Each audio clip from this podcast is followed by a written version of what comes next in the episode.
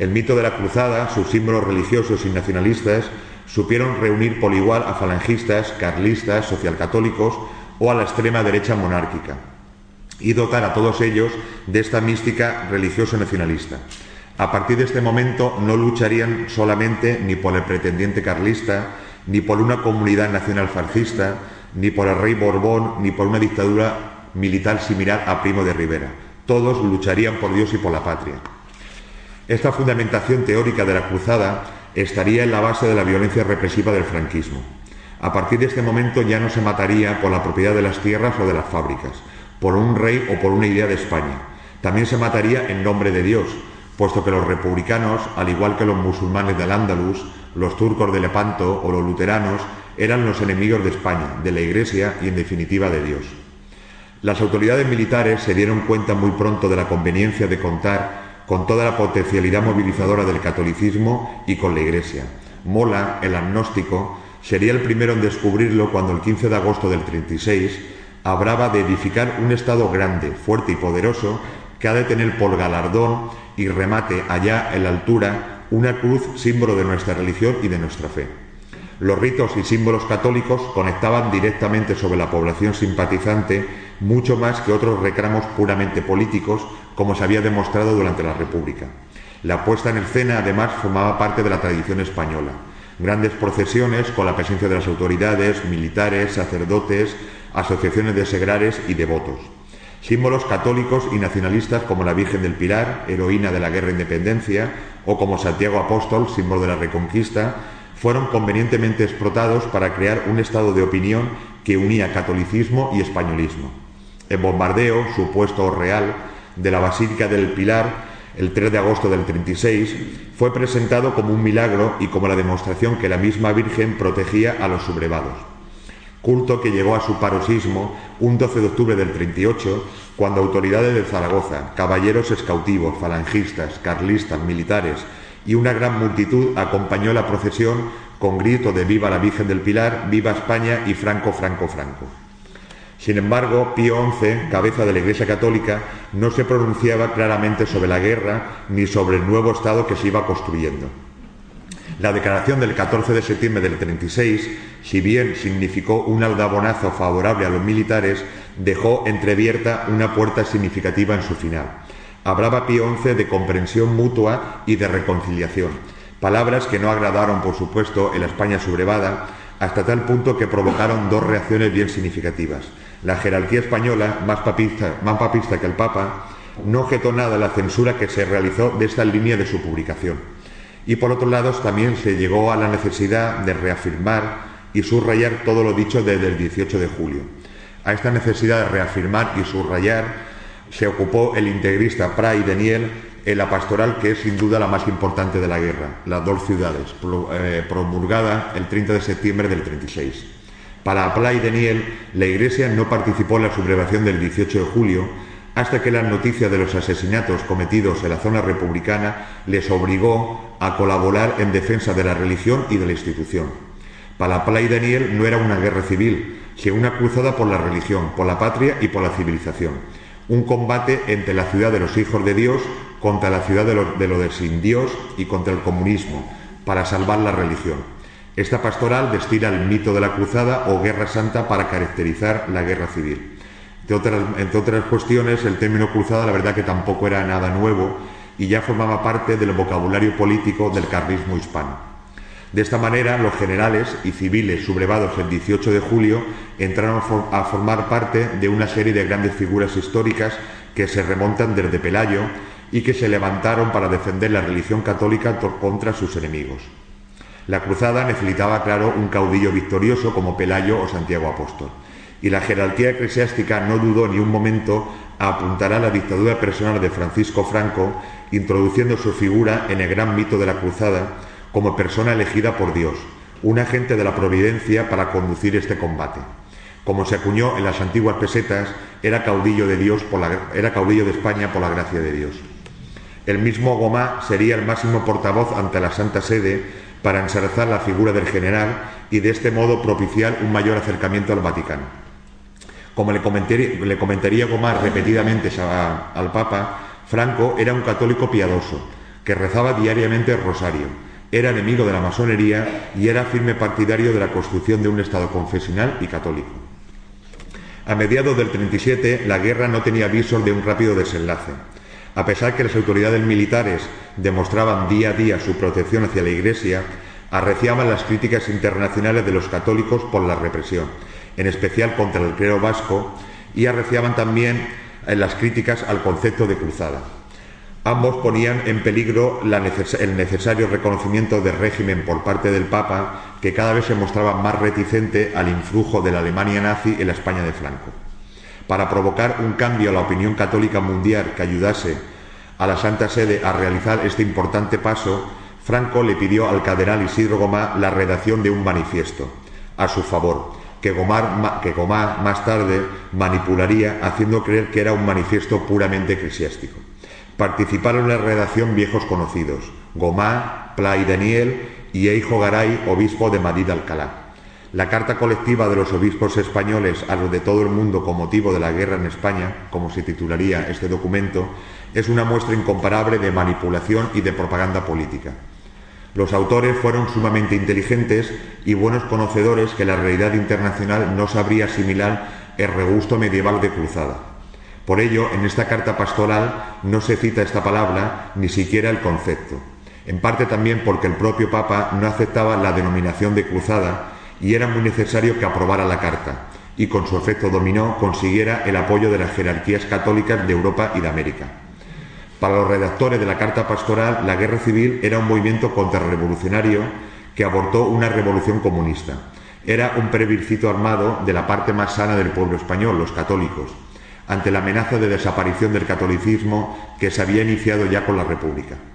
Apoyaba con fortaleza el golpe de Estado del 18 de julio y certificaba de nuevo que la Iglesia tan solo había tomado postura oficial cuando había conocido los asesinatos de la zona republicana.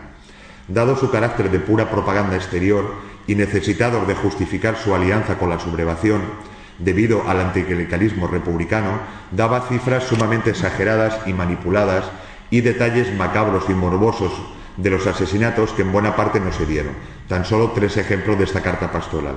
Según la carta pastoral, entre julio del 36 y la primavera del 37 ya se habían producido unos 6.000 asesinatos y solo del clero secular.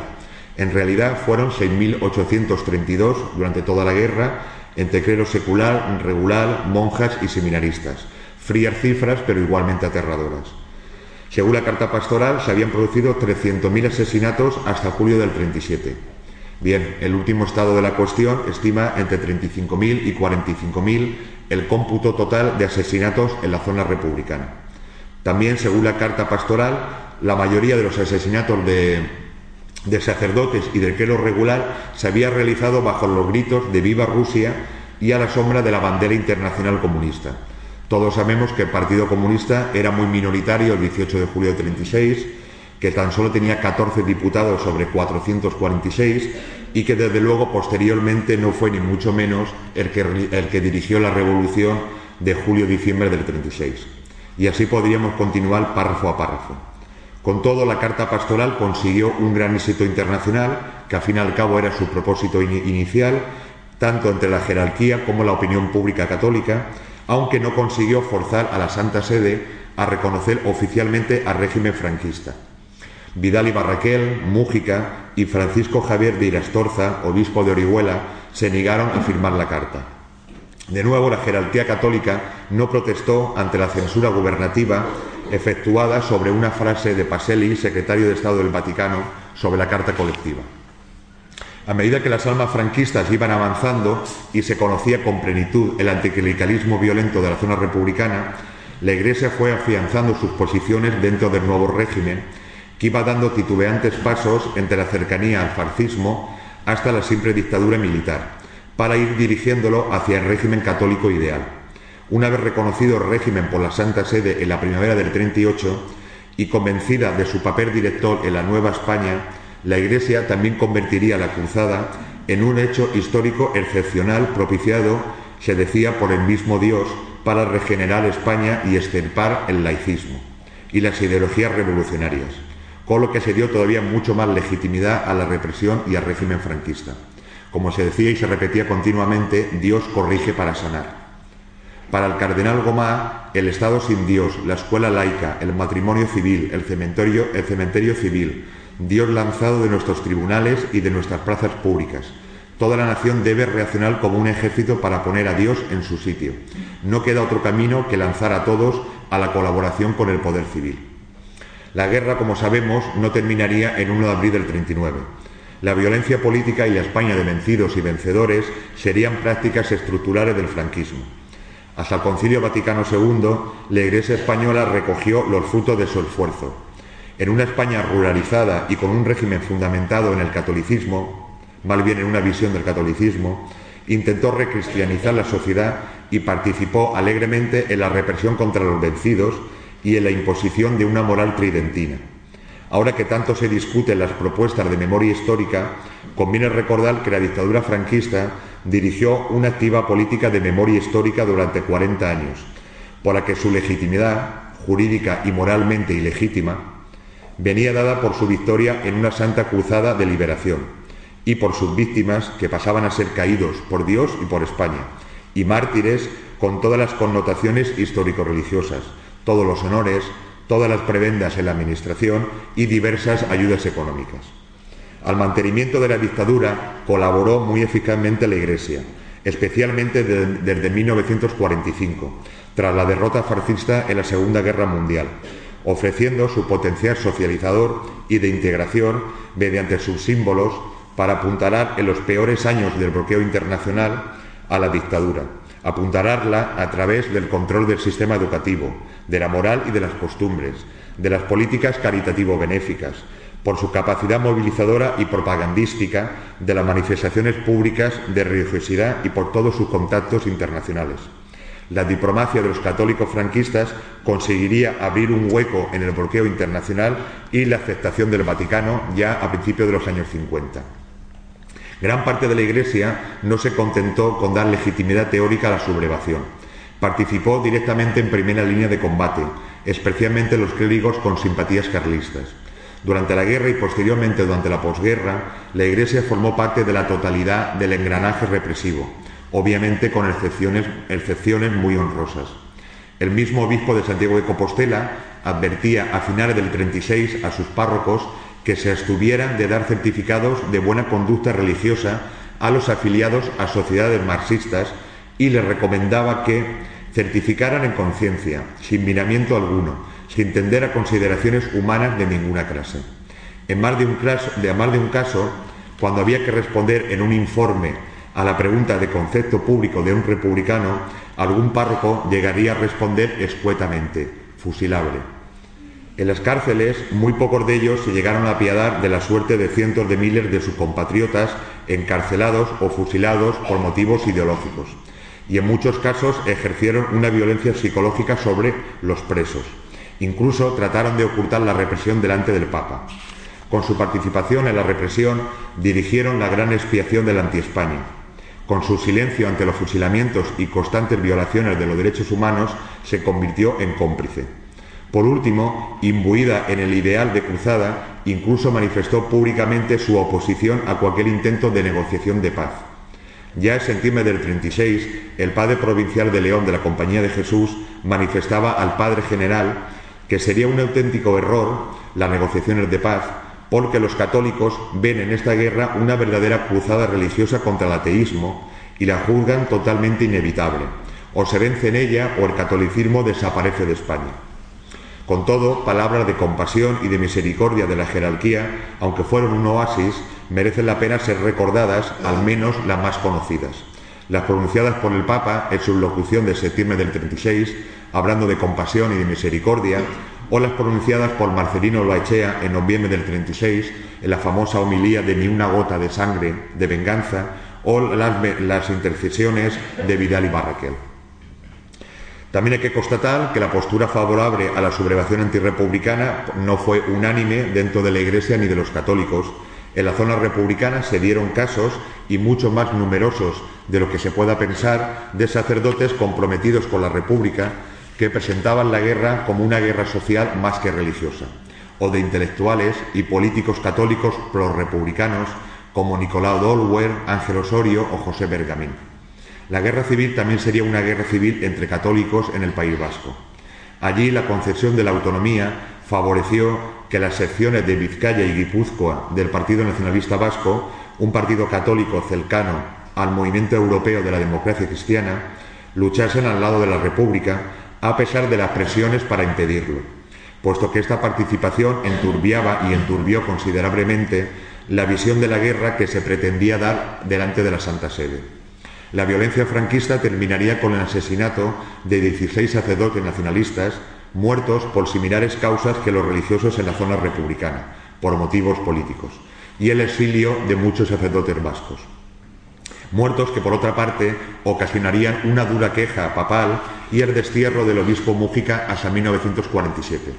En Cataluña, el nacionalismo conservador nacionalista, pero democrático, residía en un pequeño partido, la Unión Democrática de Cataluña, partido que forma parte en la actualidad de Convergencia y Unión, liderado en aquellos momentos, entre otros, por Carrasco y Formiguera, que sería fusilado en la zona franquista. También destaca la figura del arzobispo de Tarragona, Vidal y firme partidario de respetar la legitimidad del poder instituido, y también destacados intelectuales y políticos europeos católicos que también rechazaron la idea de cruzada y de guerra religiosa. Entre ellos, Luigi Sturzo, sacerdote impulsor de la democracia italiana en Italia y exiliado por su antifascismo, o intelectuales franceses católicos como Maritain, Menier o Bernanos. Entrando ya en el primer epílogo, en lo que fue la Iglesia como víctima dentro de la zona republicana, como ya he comentado anteriormente, 6.832 religiosos y religiosas en mucho menor grado fueron asesinados en la zona republicana durante la Guerra Civil, cifras que suponen el 13% del clero secular y el 23% del clero regular. Prácticamente casi todos fueron asesinados sin ningún tipo de juicio, siguiendo el procedimiento del paseo de manera rápida y casi instantánea su detención. La concentración temporal es prácticamente idéntica a la muerte de Segrales, alrededor de un 42-51% entre el 18 de julio y el 31 de agosto, desciende notablemente entre octubre y noviembre del 36 para casi desaparecer durante 1937. A los asesinatos se le unió las destrucciones iconoclastas. De manera masiva, absoluta, y como ha subrayado el profesor Julián Casanova de manera casi obsesiva, se destruyó y dañó todo aquello que hiciera referencia a la Iglesia o la religión. Desde mal pequeño municipio hasta las ciudades, todas vivieron idénticas jornadas. Las interpretaciones de, este fuego anticlerical han sido muy diversas. La predominante entre la Iglesia lo ha calificado como persecución y sus víctimas como mártires de la fe, base en parte de los procesos de beatificación del papado de Juan Pablo II. Pero esta interpretación elude tanto la complejidad analítica de las ciencias sociales como no resiste, la frialdad de la cronología. Es más, si ni, siquiera se detiene a indagar las causas de la práctica desaparición del anticlericalismo en los años 60 y 70, después de la unión dictadura-iglesia de las dos décadas anteriores. En primer lugar, hay que considerar y tomar como base que la violencia de masas debe ser siempre estudiada dentro de su contexto histórico. La zona republicana vivió en los primeros meses de la guerra un excepcional torbellino en el que se mezclaron por una parte la desaparición del poder coercitivo del Estado, el milenarismo, el anticlericalismo popular y las noticias de la crueldad de la columna Madrid en su avance por tierra de Andalucía y Extremadura y las reacciones de venganza que se fueron sucediendo en la zona republicana. La necesidad también por, algunos ideólogos de la zona republicana de limpiar, como se decía en la época, la retaguardia de potenciales enemigos de la República. Y la Iglesia, con su historia pasada y más reciente, formaba parte de este grupo de antirrepublicanos. Las destrucciones iconoclastas se explican en este contexto, así como todas las múltiples acciones que trataron de demostrar a la sociedad la ineficacia del poder sobrenatural de los símbolos religiosos, como fue disparar a las imágenes o convertir las iglesias en salones de baile. Para los iconoclastas, la eliminación del mundo tradicional y de todos sus aspectos opresivos abría las puertas a un nuevo mundo de justicia, de igualdad, de libertad, a un nuevo país de jauja. En toda la tradición del populismo anticlerical que había forjado la identidad de la izquierda, el clero era un compendio de todos los aspectos negativos populares y el sostén del orden tradicional injusto. Por ello, en el afán por borrar radicalmente de la realidad la antigua sociedad, también se introdujo de manera preferente la Iglesia Católica. De todo el conglomerado antirrepublicano también era el enemigo más débil. Por otra parte, es sintomático y llama la atención que sufrieran las mayores destrucciones de sus bienes y de su patrimonio y que, por el contrario, las propiedades inmobiliarias de los propietarios agrícolas, industriales o simplemente derechistas, como máximo fuesen saqueados sus interiores. Para los revolucionarios, la erradicación eclesiástica llevada a término en la retaguardia estaba al mismo nivel que las transformaciones económicas o que la guerra en el frente. Por ello, un buen número de los poderes locales, nacidos en el verano del 36, como comités ejecutivos o como comités políticos sindicales, muchos de ellos colaboraron en distinto modo al aniquilamiento del viejo orden y a la violencia anticlerical. En este sentido, las causas de estos asesinatos se deben enmarcar en los mismos condicionantes que el resto de víctimas de la zona republicana. Se mató a sacerdotes porque eran vistos como uno más de los enemigos de la República y se les dejó de matar al mismo tiempo que el Estado recuperó el control sobre la coerción y las direcciones de los partidos y sindicatos impusieron una mínima disciplina. Una vez transcurrida la ira del 36 y recuperado el poder estatal en el 37, la vida de un sacerdote en la retaguardia se hizo un poco menos difícil. Al menos no tenía un peligro de muerte tan cercano como en el 36.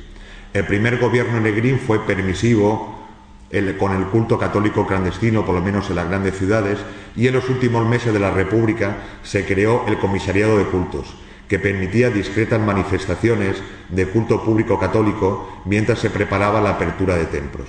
Todo ello no sin, tensiones y sin señalar que este comisariado de cultos evidentemente también tenía una, una intención propagandística cara al exterior. También es relevante señalar que los iconoclastas generalmente consideraron que las monjas debían salvarse.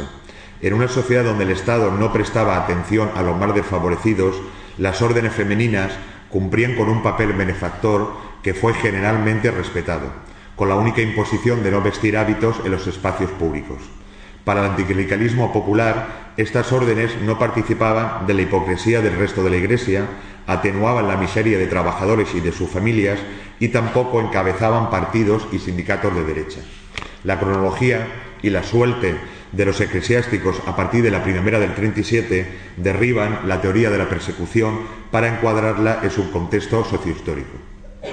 Entramos pues en el, segundo epílogo, en el final de esta conferencia, y he pretendido introducir algunos apuntes breves sobre la ciudad de Gandía, una población que participa en buena parte de la evolución del clericalismo español, y sirva también esta conferencia para intentar incitar a la investigación en este tema, el clericalismo y la historia de la Iglesia, en una ciudad que cuenta con magníficas instalaciones, con magníficos fondos documentales, con excelentes profesionales en el archivo histórico, que cuenta también con el concurso del SEIC Alfonso El Bey para la investigación y para la publicación.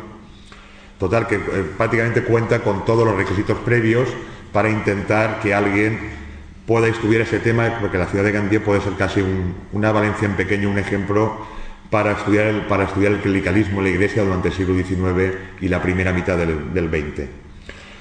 Es ampliamente citada la imagen de Gandía, ciertamente muy desmesurada, como una ciudad levítica, o el comentario del socialista José Bernabeu, que estimaba en 1913 que el número de sacerdotes, monjas y jesuitas superaba al de jornaleros agrícolas.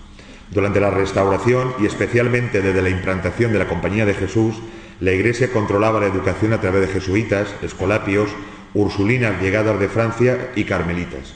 La movilización clerical estaba liderada por los combativos jesuitas que en 1900 habían impulsado una iniciativa para boicotear los comercios y tiendas que no presentaran la imagen del Sagrado Corazón de Jesús. Asociaciones católicas como la Congregación de San Luis o la Adoración Nocturna, las Hijas de María o la Conferencia de San Vicente de Paul se dedicaban a fines benéficos. El grupo de activistas católicos como Eduardo Crustán o Joaquín Ballester, ligados a los jesuitas como el Padre Ferris, impulsaron otras iniciativas para controlar la vida en la ciudad, como la Caja de Ahorros y Socorros y Monte de Piedad de Gandía, como Revista de Gandía, una publicación periódica, como el Sindicalismo Católico, como la Unión Católica Gandiense o la creación en 1905 de la Liga Católica para la participación en la vida política. La impronta de la Compañía de Jesús diseñó un movimiento católico muy militante que hacía gala de un profundo antiliberalismo y antisocialismo y que contaba con una clara participación en política a través de las páginas de revista de Gandía, como los casos particulares de los sacerdotes Andrés Martí, Juan de Dios Martínez o Salvador Bois. No en vano hay que recordar que la derecha católica triunfaría en la ciudad en las elecciones de febrero del 36 y que tan solo los votos del Grau inclinaron la balanza hacia el Frente Popular.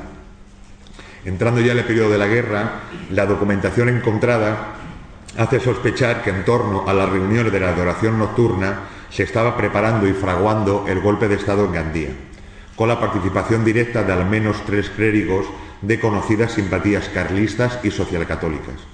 En la madrugada del 11 al 12 de julio del 36 se produjeron una serie de detenciones de personas que estaban celebrando una vigilia de la adoración nocturna en la iglesia del exconvento de San Roque. Allí, de manera sospechosa, habían coincidido varios sacerdotes, varios líderes falangistas y carlistas, tanto de Gandía como de otros pueblos de la Safor y de las dos riberas. Quizá por estos antecedentes la violencia anticlerical en Gandía fue muy superior al resto del país valenciano.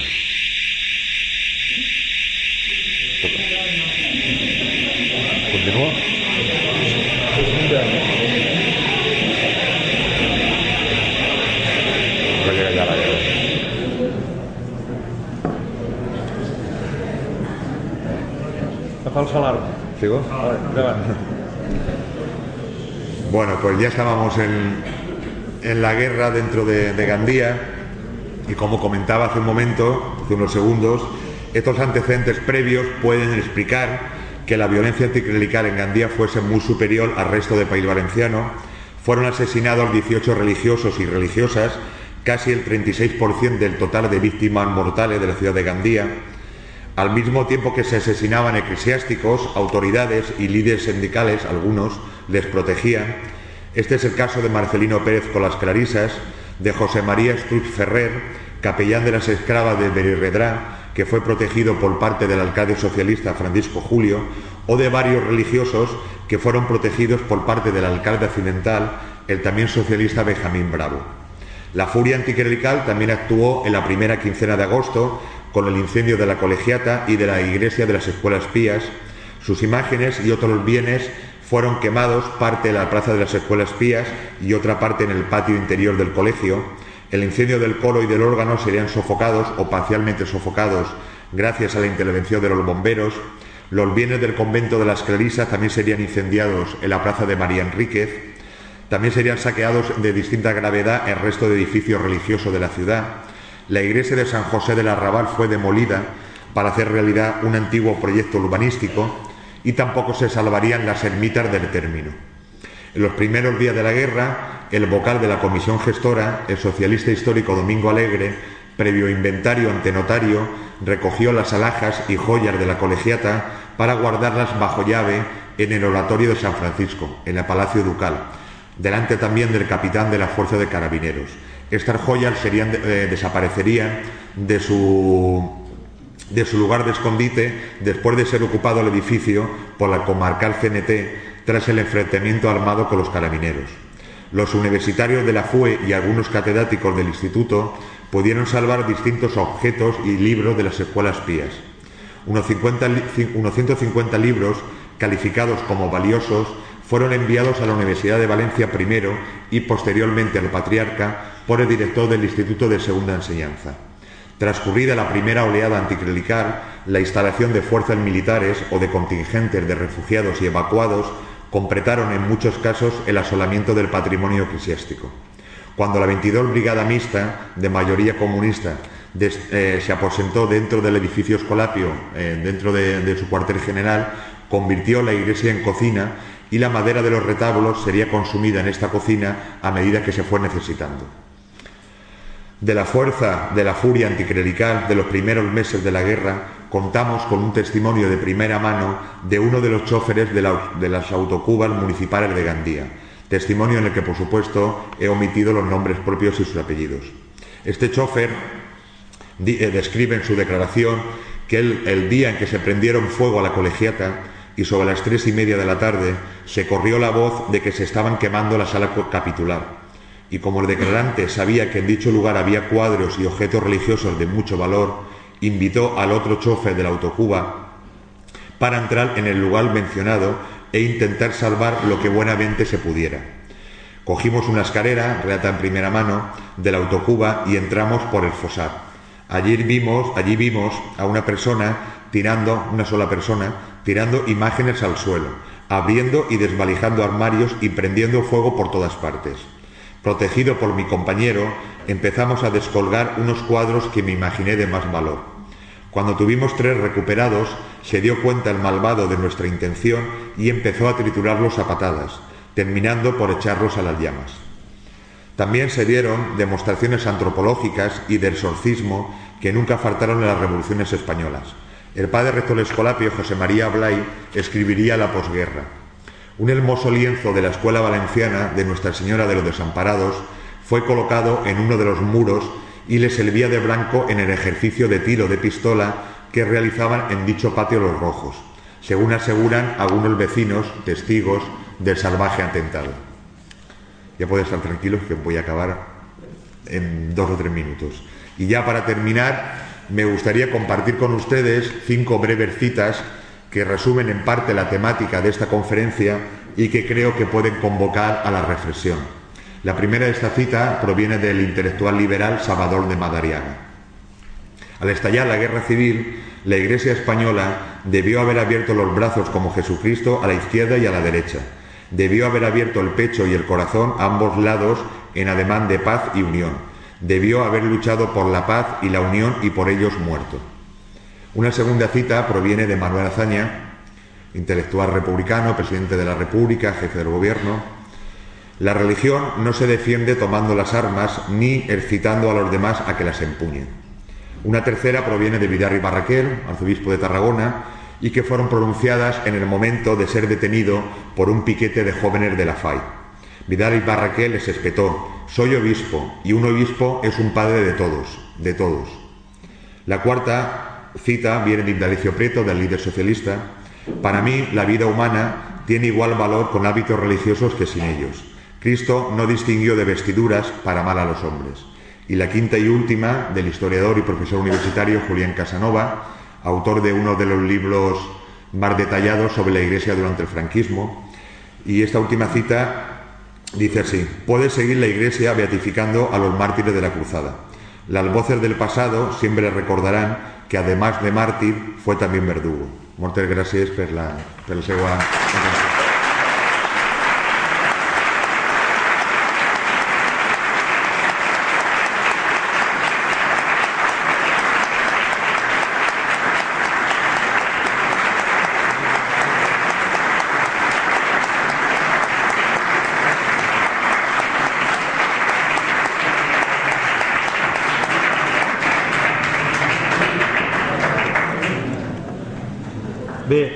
com és costum, després d'esta magnífica exposició que ha fet el professor, el professor Antonio Calzado, obrim un torn de preguntes perquè els interessats puguen aprofundir en algun aspecte que, es puguen, que, es puga, que hagi quedat oscur o que es pugui interessar.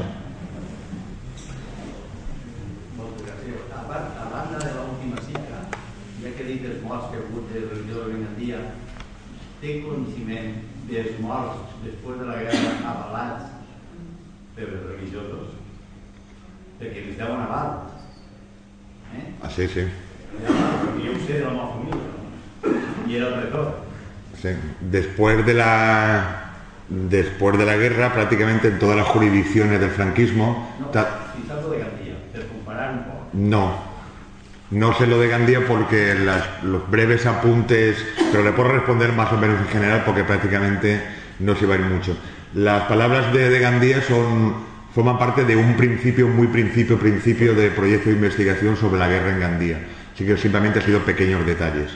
Después de la guerra, prácticamente todas las jurisdicciones franquistas necesitaban de un preceptivo informe, todas, del señor alcalde, del jefe de falange, del comandante de puesto de la Guardia Civil y del cura párroco. Todas, eh, tanto para salir del campo de concentración, para obtener la libertad vigilada, etcétera, etcétera la postura que tomaron los párrocos prácticamente le puedo asegurar que depende del párroco y depende del pueblo. En algunos casos firmaron avales muy favorables, en otros casos no firmaron avales favorables, en algunos casos firmaron avales favorables a algunas personas, en otros no, en otros prácticamente no quisieron firmar ningún tipo de, documento que pudiera tener una implicación negativa, otros sí que, como el caso que, he comentado, sí que fueron muy directos. Después de la, en la porguerra depende muchísimo de, casos particulares.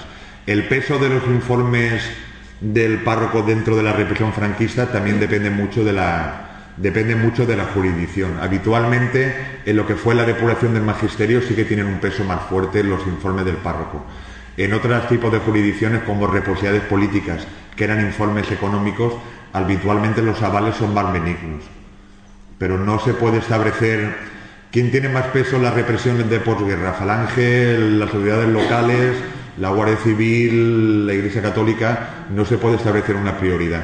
Los avales dependen. Yo he visto sacerdotes del Baida Baida que todos los avales fueron muy favorables a los, a los encausados menos uno, que coincidió con un maestro de una escuela racionalista. Depende, depende de muchos casos.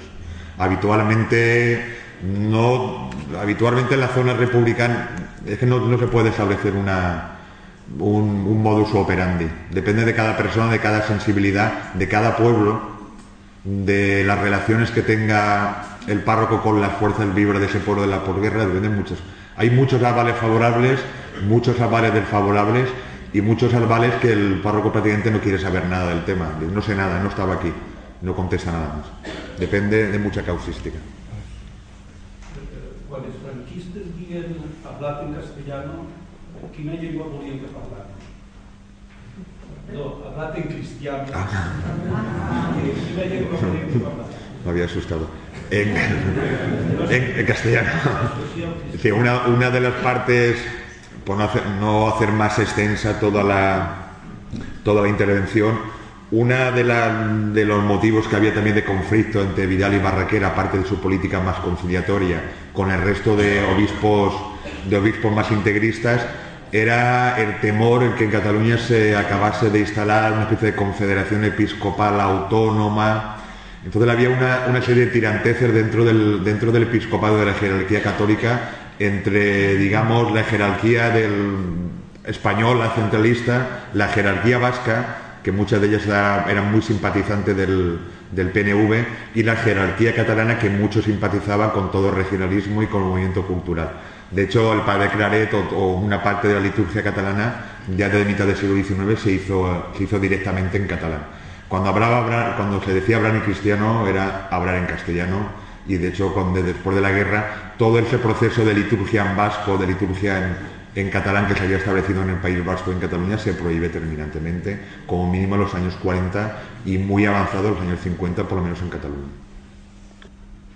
Bé, continuar, perquè ningú pregunta, En, en l'actitud actual de l'Església Catòlica, veus algun rastre de l'època que estem parlant? Estaba esperando esa pregunta. No, el, la iglesia actual es infinitamente más plural que la iglesia de los, de los años 30, infinitamente más.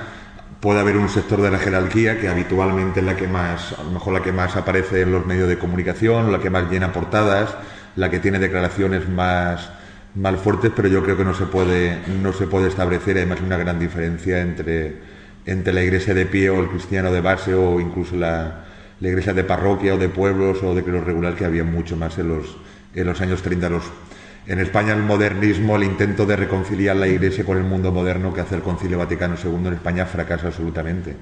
Por eso la iglesia de los años 30, sacerdotes o religiosos modernistas prácticamente son mínimos. Ahora la iglesia es infinitamente infinitamente más plural.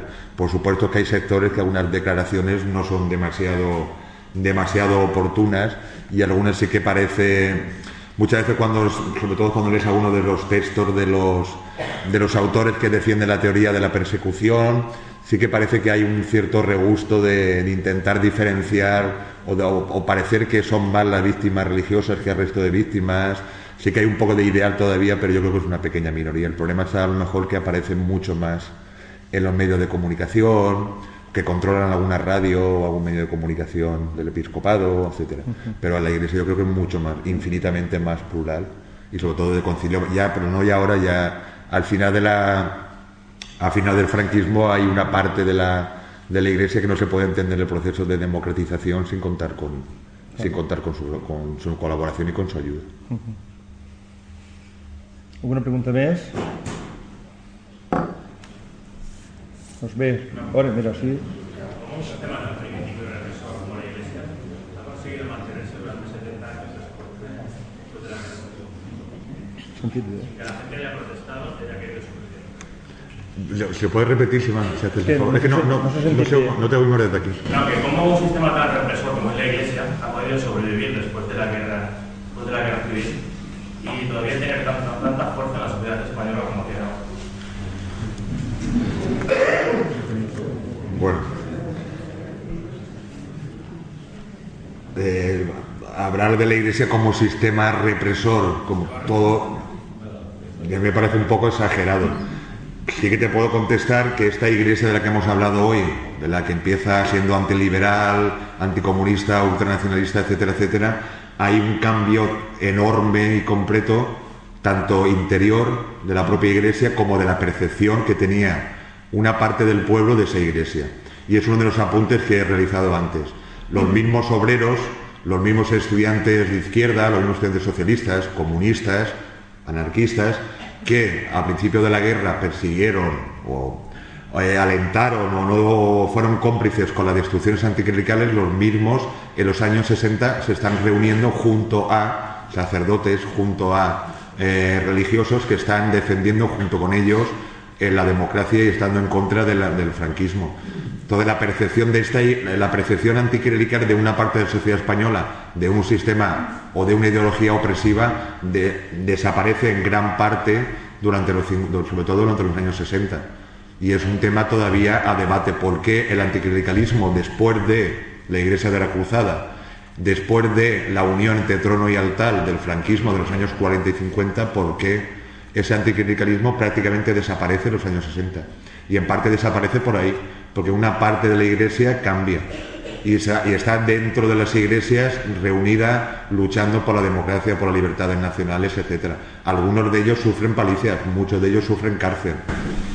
Sí, pero hoy en día todavía continúan teniendo una emisora de radio para controlar las ideas de todo un país. ¿No? Entonces, Sí, yo, yo ahí no. Yo ahí no, no te puedo decir nada. Controla la COPE, sí, lo para que ahora hay una diferencia con los años 40. Ahora ti- poder manejar el diario y ponerte otra, otra radio. es el mismo sistema de propaganda que tenía Franco con el nodo. Sí, pero, yo te- pero hay una diferencia. En nodo te lo tenías que tragar por narices. Ahora tú puedes cambiar el diario. Sí, sí.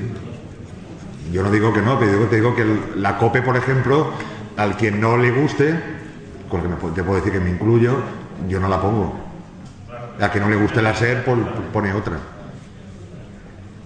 Y yo ya lo del sistema opresivo, yo ahí no, eso ya no sé contestarte, ya pertenece al sistema de creencias. sistema de control, efectivamente lo es. Eh, Haces hombre, yo soy del padre, tú eres el sistema de control y de, de que, no, de que no, la persona no.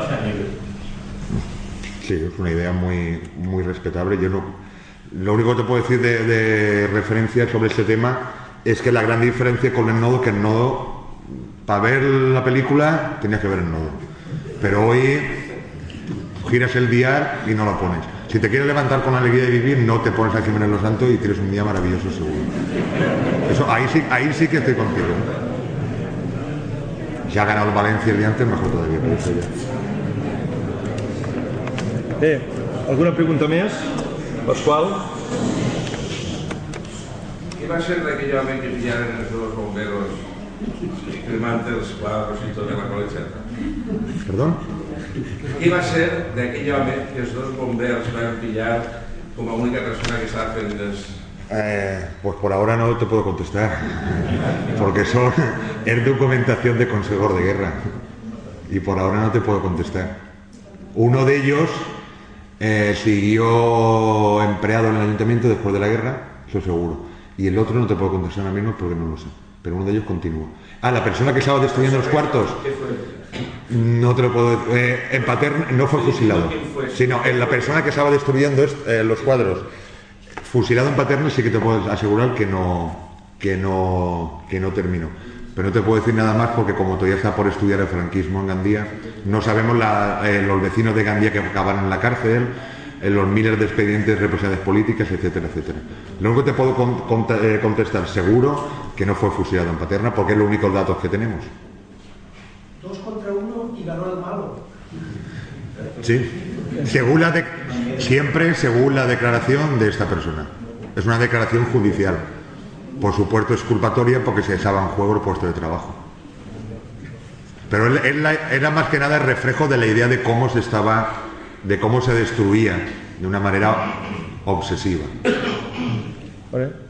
Ara que estem a 100 anys de, de, la, de la Setmana Tràgica, com va influir la Setmana Tràgica en la posició de l'Església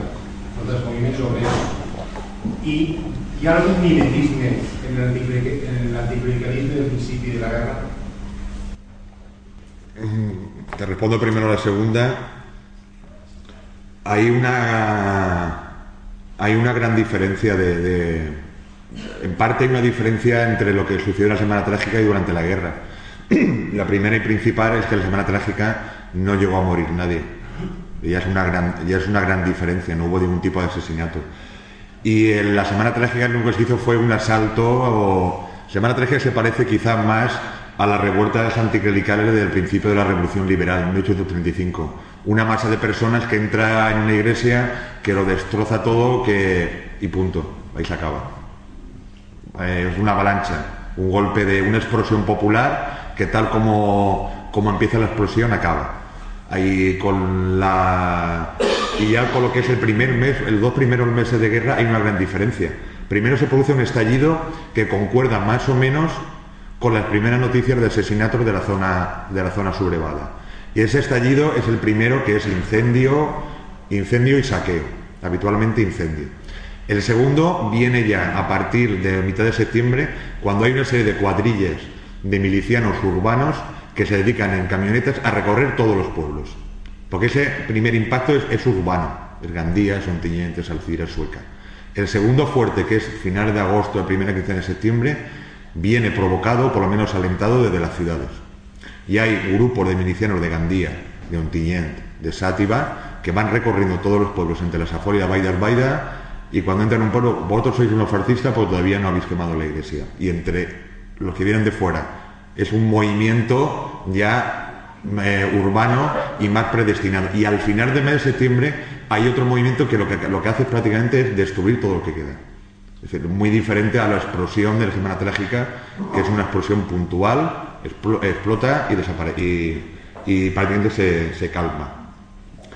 Sí que tiene una, sí que tiene una, una cierta relación, hay una intensificación de la, de la política de sindicatos católicos, de patronatos católicos, de patronatos obreros después de la semana, después de la semana trágica, sobre todo en Valencia, que es prácticamente la cuna del, segunda cuna del sindicalismo católico. Sí que, sí que hay un intento, lo que que como siempre tiene la misma base, siempre, eh, fracasan casi por lo general. Primero y principal depende de la gran burguesía para mantenerse. Cuando la gran burguesía les paga, eh, sufraga a los sindicatos católicos como un freno al socialismo, al anarquismo. Cuando ese freno ya no, ya no necesita, como la dictadura de Primo, tenemos una dictadura, no, ne- no necesito el sindicato católico, le corto la subvención. En el momento que le corto la subvención, la mayoría, no todos, la mayoría de ellos desaparecen. Es un movimiento pendular. Son muy fuertes después de la crisis de 98, tienen un revival después de Semana Trágica y son muy fuertes al final de la República. Sí que hay un, sí que hay un pequeño movimiento, sobre todo en Valencia y en menor grado en Cataluña. No sé si he respondido. Jesús? Jo més que una pregunta volia fer un parell de comentaris.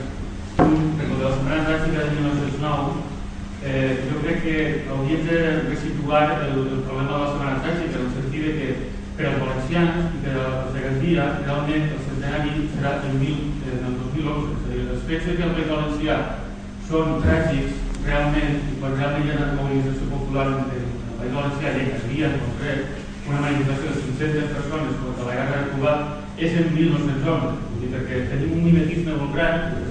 La setmana tràgica està davant del de molt i és molt important, però els valencians tenim en, en, en el, les fes de 1911 tenim la fita nostra per, per estudiar i ser I en segon lloc, respecte al tema de la postguerra, mm, a mi m'agradaria fer un prec públic als responsables del jutge de primera instància de Gandia eh, per a que obrin els arxius. Eh, perquè crec que hi ha una política molt contradictòria encara en, en, en les fonts de, de l'estudi de la Guerra Civil, de manera que penseu una cosa, que els documents de primera instància de Gandia, de la Guerra Civil, eh, uns documents són requisats a València, passen a Salamanca ja es poden consultar. En Salamanca i en Gandia es poden consultar. En canvi, si aneu jutge de primera instància, per a veure eh, els expedients l'any 39 no vols estar consultant. Jo feia una reflexió i una petició pública que que des de les autoritats eh, judicials reflexionen sobre aquest tema, perquè si no es veu ara, que a 5 o 10 o 15 o 50 anys, però no té crec que massa bo. Alguna pregunta més? Doncs si no hi ha més preguntes, moltes gràcies al professor Dona Calzado i els emplacem el, el divendres que ve, dia 13, que el professor Aladi Mainar parlarà sobre el paper de la Gran Bretanya en el final de la guerra, Gandia, març de 1939. Moltes gràcies.